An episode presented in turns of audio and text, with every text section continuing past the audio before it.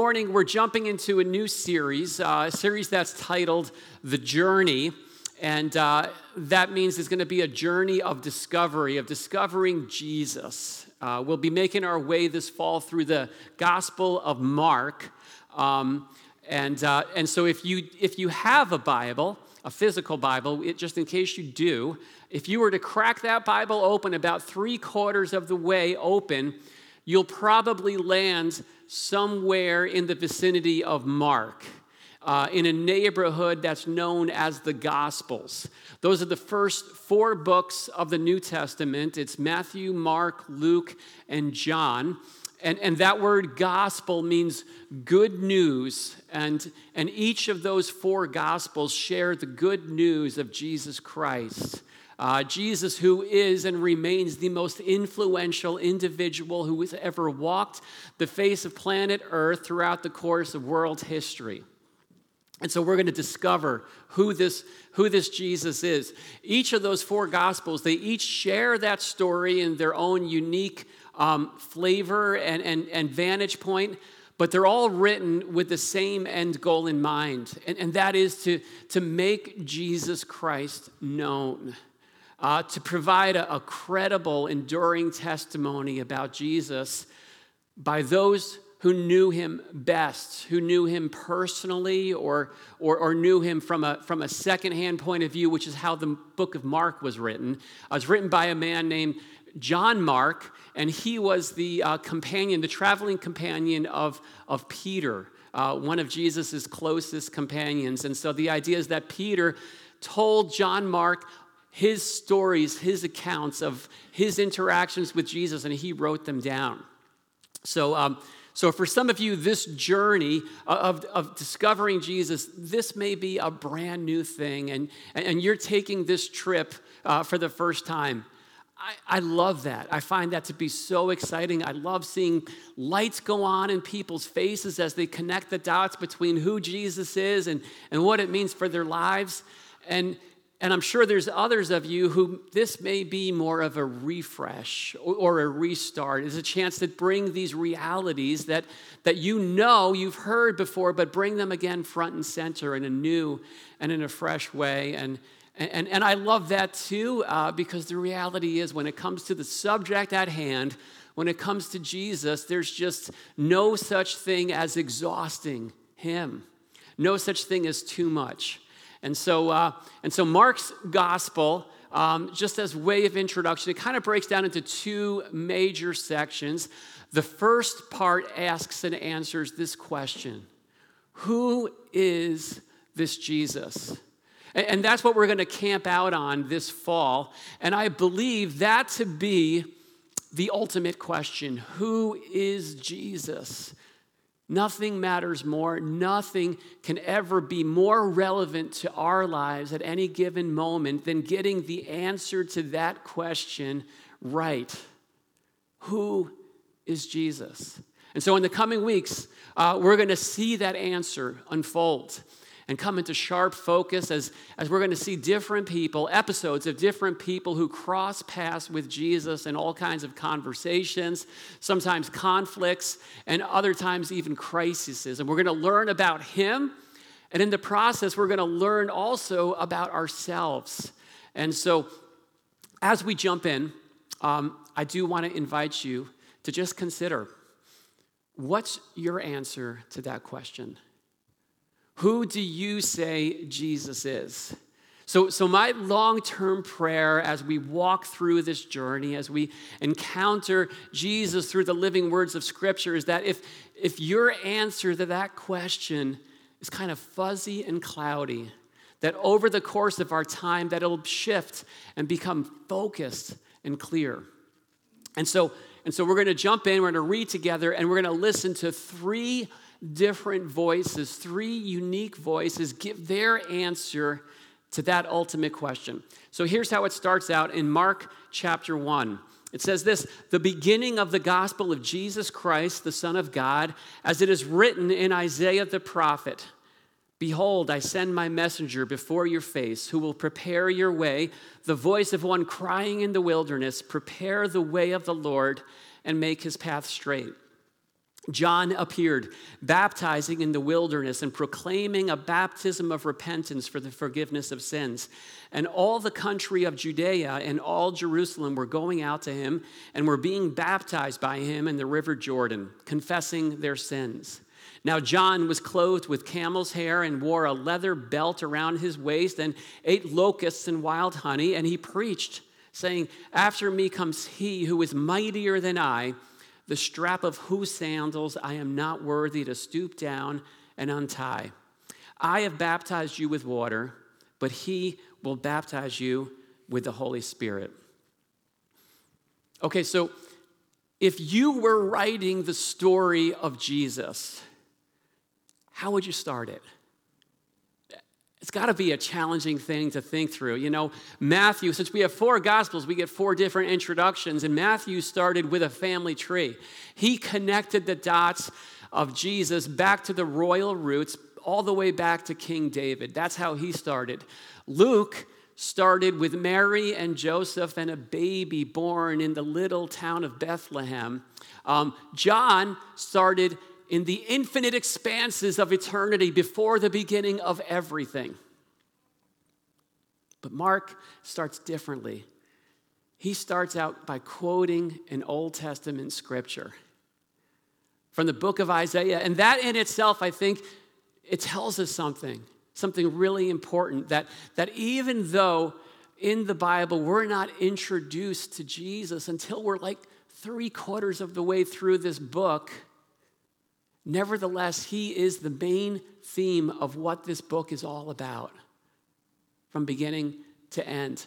The Bible's made up of 66 different books. They're written over the course of thousands of years. They're written by different people in different places, even in three different languages. And, and yet there's this incredible consistency, this, this thread of continuity that runs through it from beginning to end. And that is that it's it's all about Jesus. That's part of what convinced me personally to come to the place where I believe that this book is the actual Word of God because I don't see that there's any possible way that a human being could put something like what we find here in this book together. Um, you know, after Jesus resurrected, from, from the grave. He was talking to some of his disciples on the Emmaus Road, and, and the disciples didn't recognize him. And in Luke 24, it says, he says that Jesus, beginning with Moses and the prophets, interpreted to them in all the scriptures the things concerning himself. Um, so here's one clue that we want to key into is that if we want to find the right answer to that question, who is Jesus? We ought to open up this book, not just the New Testament, but search the whole scriptures because you'll find him on each and every page. So, the Old Testament, before Jesus was born, it predicted his coming. Uh, the Gospels proclaim his arrival, and the rest of the New Testament promises his return. And so, in this passage we're looking at, the start of Mark's Gospel, um, there's this specific Old Testament quote, a prophecy uh, from, from Isaiah. And it describes a very particular prelude that would pave the way and usher in the arrival of the Lord. This kind of like an opening act that would set the stage for the main event. And the prophecy said that there would be this voice crying in the wilderness Prepare the way for the Lord, make his paths straight. And, Mark's saying that that prophecy was fulfilled when this guy John arrived on the scene. It says he appeared on the scene. Now, John the Baptist, he's a bit of a throwback. It's kind of like when you're walking down the streets in town and you see someone dressed up like a hippie from the 60s. Like, you're just out of place, you don't belong here, but you're kind of cool. Um, John fits the bill of a classic, fiery, Old Testament prophet. And, and he's a bit on the peculiar side. He's, he's dressed in camel's hair. Um, He's on a strict diet of locusts and wild honey. Uh, that may be the next diet fad, by the way. Get ready for it. Um, and John is a bit of a radical. So, so John probably wouldn't mix in too well at the family barbecue, right? There's just no such thing as small talk with John. You know, when he opens his mouth to speak, he is calling people to one thing repent. That's what he's all about. And once they repent, he wants to dunk them underwater. And that pretty much sums up what John the Baptist was all about. And the point here, the reason Mark includes this story about John is that we could read this even today and see how these prophecies, these, these prophecies like pieces of a jigsaw puzzle, were being put into place, falling into place. And so John is like a he's like a reference point for, for what's coming next. He gives the very first human testimony about Jesus. And so here's the question What does this opening act have to say about the main event who's waiting on deck? John says this After me comes he who is mightier than I, the strap of whose sandals I'm not worthy to stoop down and untie. He says, I've baptized you with water, but he will baptize you with the Holy Spirit. Now, now at this point, John doesn't even know his name. He doesn't really know who he's talking about, but he knows what the scripture had promised, and he comprehends that, that this one who was to come, he was going to be in a league all his own. Jesus is the incomparable Christ to John. He says his strength and, and the stature of his glory and his worth is so great that he says it would be out of place for me to even stoop down and untie his sandals. It's just not something I can do. And he goes on and he freely admits people, I cannot do for you what Jesus can do, right? He says, There's a limit of what I'm able to do for the people that are here. And, and John, at this point, he's surrounded with all of these crowds, and there's all this applause, and he is in the limelight. But he says, I can't give these people what they really need. Because no amount of dunking in the Jordan River is ever going to quench what these thirsty souls are longing for. And that's something we can take note of, right? Know the limits of what you can and can't do for the people in your life. There is a God shaped hole in every person's life. And here's the headline you can't fill it. You can't fill it. Only Jesus can. John knew better than to try to do for someone else what only Jesus can do for them. And he says, basically, you guys, you guys need Jesus. You need the one who's coming next, the, the one who baptizes with the Holy Spirit. He's the only one who can satisfy that thirsty soul. And that's what we all need the Holy Spirit. We need to live our lives connected and immersed and saturated in the presence of the living God.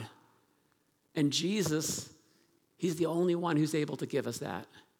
You know, there's plenty of religious leaders, and they can give you something. They can give you pages of rules to follow. But Jesus and Jesus alone brings the presence of God to experience and to enjoy. And so here's the question Who is Jesus? John says he is the one who gives what no one else can, who can give us what it is that our lives ultimately long for and what we ultimately need. That's voice number one. Let's keep reading and hear from a second voice. So we continue in, in verse 9. It says this In those days, Jesus came from Nazareth of Galilee and was baptized by John in the Jordan. And when he came up out of the water, immediately he saw the heavens being torn open and the Spirit descending on him like a dove.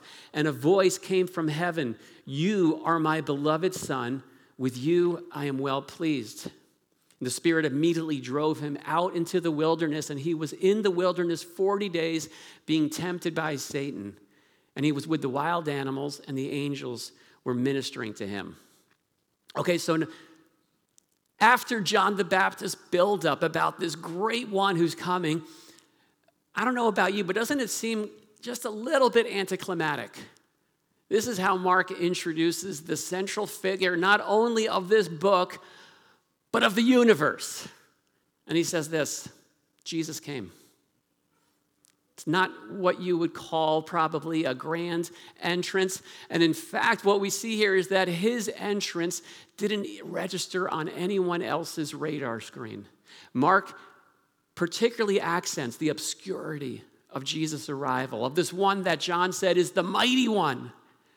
And it kind of makes us scratch our head and say, Really? Him? You know, Jesus arrives and, and he's just another face in the crowd.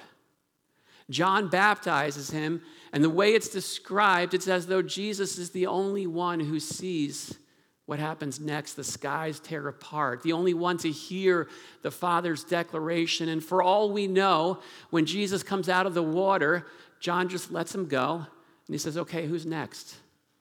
That's, that's kind of the way it went down. And, and there's something there for us to take note of is that your most profound and personal moments with God it may happen in a crowd, it may happen when others are around, but don't be surprised if no one else has any idea about it, if they're not locked into that.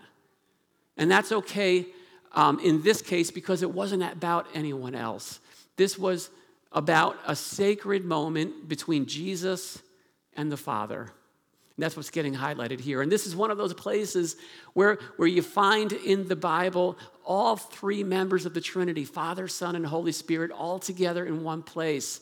And, and you know, even though Jesus is eternal God, right? He didn't become God's Son at this, at this time. You know, um, he, he was always eternal God. But here's the thing when Jesus added the human nature to his divine nature, when he became a human being, he surrendered the free exercise of his divine nature. He didn't just use his divine powers at will, he surrendered them to the will of the Father. And so, if you think about that without getting too deep, here's what it means is that there was some kind of gradual unfolding whereby Jesus came to fully comprehend who he was. And so, sometimes we wonder things like this like, you know, when Jesus was a tiny baby, since he's fully God, was he doing like all kinds of, you know, advanced algorithm mathematics in his head when he was Googling as a little baby? Maybe not. Or, or, you know, if Jesus played baseball, did he always hit a home run? Or did he strike out every batter he pitched to? Maybe not. The full extent of his true identity was revealed to him according to the Father's timeline. But the point is, is that this is that moment. And so, who does God the Father say Jesus is? He says, You're my beloved Son. With you, I am well pleased. And you know, there's a way that we can identify with Jesus at our own baptisms and, and recognize that in Him, through Jesus, we're also beloved children of God with whom the Father is pleased. But for here and now at this stage, it's not really about us, it's about Jesus. And, and he sees the skies rip open. He hears the Father declare, You are my Son, my one and only Son, in an altogether exclusive way, in a way that no one else ever has been or, or, or will be. And so, just, just to share in advance just something that I found really cool in my, in my, in my study this past week. Uh, there's this combination here of, of, of tearing the skies and then declaring who Jesus really is. And that happens one more time in in, in the Gospel of Mark. It's kind of like a bookend to Jesus' ministry because the next time it happens, it's at the cross. When Jesus breathes his last final breath, Mark tells us, he says, the curtain of the temple, that, that curtain that separated the people of God from the presence of God, that curtain was torn apart from top to bottom. And at that moment, it wasn't the Father who declared who Jesus was. It was a Roman soldier, the centurion who was standing there at the cross. He says, This man truly was the Son of God. So, so, so, so don't make the mistake of reducing Jesus to just, yeah, he was a good guy. Or he was a, he was a moral teacher, or he was a political activist.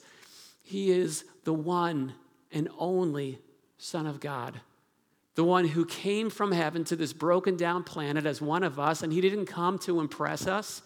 The Son came to accomplish the will of his Father. And that's what we see. We see the Father's will getting accomplished through the power of the Holy Spirit. And so, in the very next verse, after this declaration, this overlooked Son of God didn't catch anyone's attention, wasn't on anybody's radar screen, but the Spirit drives him out into the desert, and he's in the thick of battle. He's in the wilderness fighting the fights that we couldn't win. He's battling the temptations of Satan, of the enemy. And this is the same battle that, that Adam lost uh, back in the garden when he ate the forbidden fruit. You see, Adam wasn't strong enough to win that battle. And, and you and I, we show time and time again that we're not strong enough to win it either. We can't fight that battle on our own. But this one, this one who John said is, is mightier than me, Jesus, the Son of God, he's strong enough to do it. He went there, he won it for us in the wilderness through the power of the Holy Spirit. So that's the second voice. We've heard the voice of John, we've heard the voice of the Father. Finally, let's listen to one last voice the voice of Jesus. It says, Now after John was arrested, Jesus came into Galilee proclaiming the gospel of God and saying, The time is fulfilled and the kingdom of God is at hand. Repent and believe in the gospel. Passing alongside the Sea of Galilee, he saw Simon and Andrew, the brother of Simon, casting a net into the sea, for they were fishermen. And Jesus said to them, Follow me, and I will make you become fishers of men. And immediately they left their nets and followed him. And going on a little farther, he saw James, the son of Zebedee, and John, his brother, who were in their boat mending the nets. And immediately he called to them, and they left their father Zebedee in the boat with the hired servants and followed him. So, so these are the very first words that Mark records Jesus speaking. And in announcing the arrival of a kingdom, which is what he does, it leaves little doubt that Jesus set out to ignite a revolution. The expectation at that point was that the Messiah was going to come and ignite a political and a military revolution. But what we're going to soon find out is that Jesus was a whole lot more interested in revolutionizing the human heart. He says, The time is fulfilled. That means that the next piece of that jigsaw puzzle was about to fall into place. All of the promises the prophets had talked about, the ones they'd been longing for centuries to see come into being and take shape, the ones that are in the first two thirds of this book, all over the place, about how, how God's rule and his reign would one day get established when God himself comes down onto this planet, this broken down place, and starts setting things right again. Jesus says, I'm about to kick that off. It's going to begin with me, and the time is now. And he extends an open invitation to one and all. Here's how to respond so you can get in on this. The response is twofold. He says, Repent on the one hand and believe. Repent means to stop what you're doing and to turn around. In this case, it means give up on your plans, give up on whatever kingdom you're in the process of building, and then believe. Get on board with Jesus and get on board with the kingdom that he's in the process of building. And so, as an example, you might, you might imagine driving your car southbound down 684, and you see Jesus standing on the side of the road, and so you pull over to pick him up. You roll down the passenger side window and you say, Hey, Jesus, hop on in. But Jesus walks over to the driver's door. He points to where you're sitting, the driver's seat, and he says, I'll take that seat. But you see, in order for him to step into that seat, that's going to require that you step out of it, that you move over to the passenger seat instead. And then once that happens, Jesus will take the wheel, he'll start driving, and the first thing he does is he swings the U turn. Now he's heading in the opposite direction you were. And then picture this one hand on the steering wheel. He turns with a smile and he says, Buckle up. you're in for the ride of your life. That's what he's saying in this passage. And that's pretty much how it plays out. Because Jesus walks up to these groups of guys and he invites them in. He invites them to drop what they're doing, to let go of their agenda and their allegiances and follow him.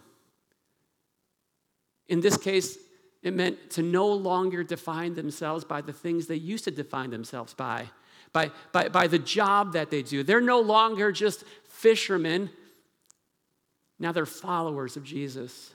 To not base their identity simply on the family they came from, they leave their father to follow Jesus. Now, don't get the wrong idea. It's not that they never fished again, it's not that they never saw their father again.